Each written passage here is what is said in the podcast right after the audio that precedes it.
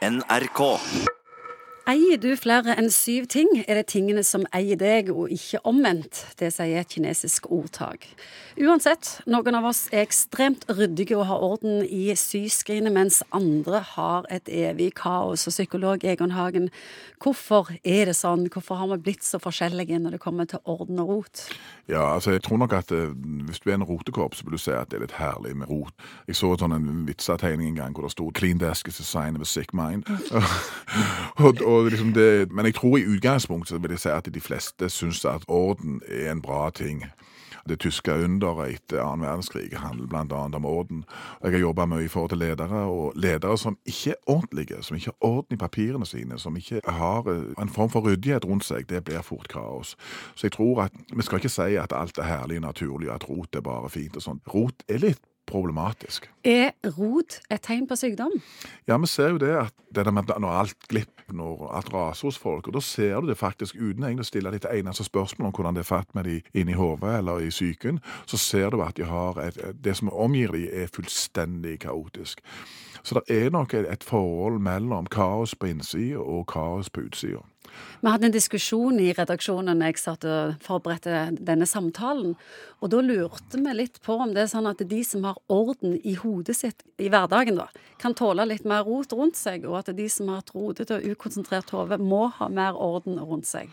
Godt mulig at det er en variant av det, men den vanligste varianten tror jeg nok er at hvis det rakner på innsida, så har det rakna på utsida for lenge siden. Altså Det er i tomflasker, sigaretter og kaos, egentlig. Og noen av disse som virkelig stuper, du vil nesten ikke trodd hvordan det faktisk kan se ut på en sånn plass. Men hvis vi holder oss til et normalt norsk hjem, Hvorfor er det sånn at vi skammer oss over rot? Altså, Vi har disse uttrykkene 'bomba horehus', 'ser ut som Bagdad', her har det vært et lynnedslag.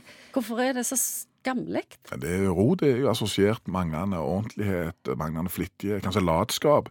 Altså at du bare lar humla suse osv. Så, videre. så det å ha det ordentlig og skikkelig rundt oss er et tegn på at vi har noenlunde kål på egen tilværelse. At vi er skikkelige folk. Og jeg, jeg tror det er så enkelt som det.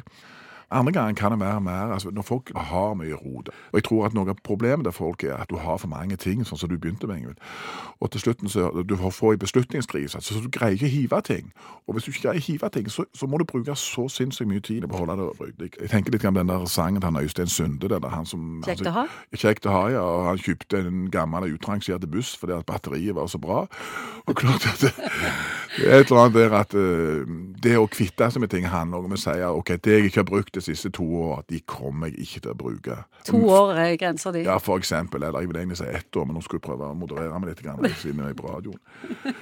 Sånne ting som du ikke bruker, som bare ligger der, som bare samler støv og gjør Det vil jeg bare Så jeg er litt sånn som det. Men så er det mange som selvfølgelig vil være helt uenige i det og si at å nei, det er så fantastisk kjekt å gå ned i den kjelleren og lese i disse kladdebøkene. Du leser jo aldri i dem, gjør du det? Nei, jeg tror ikke det er noen som gjør det. Uff, det er jo bare Rot? rot, ja. NRK.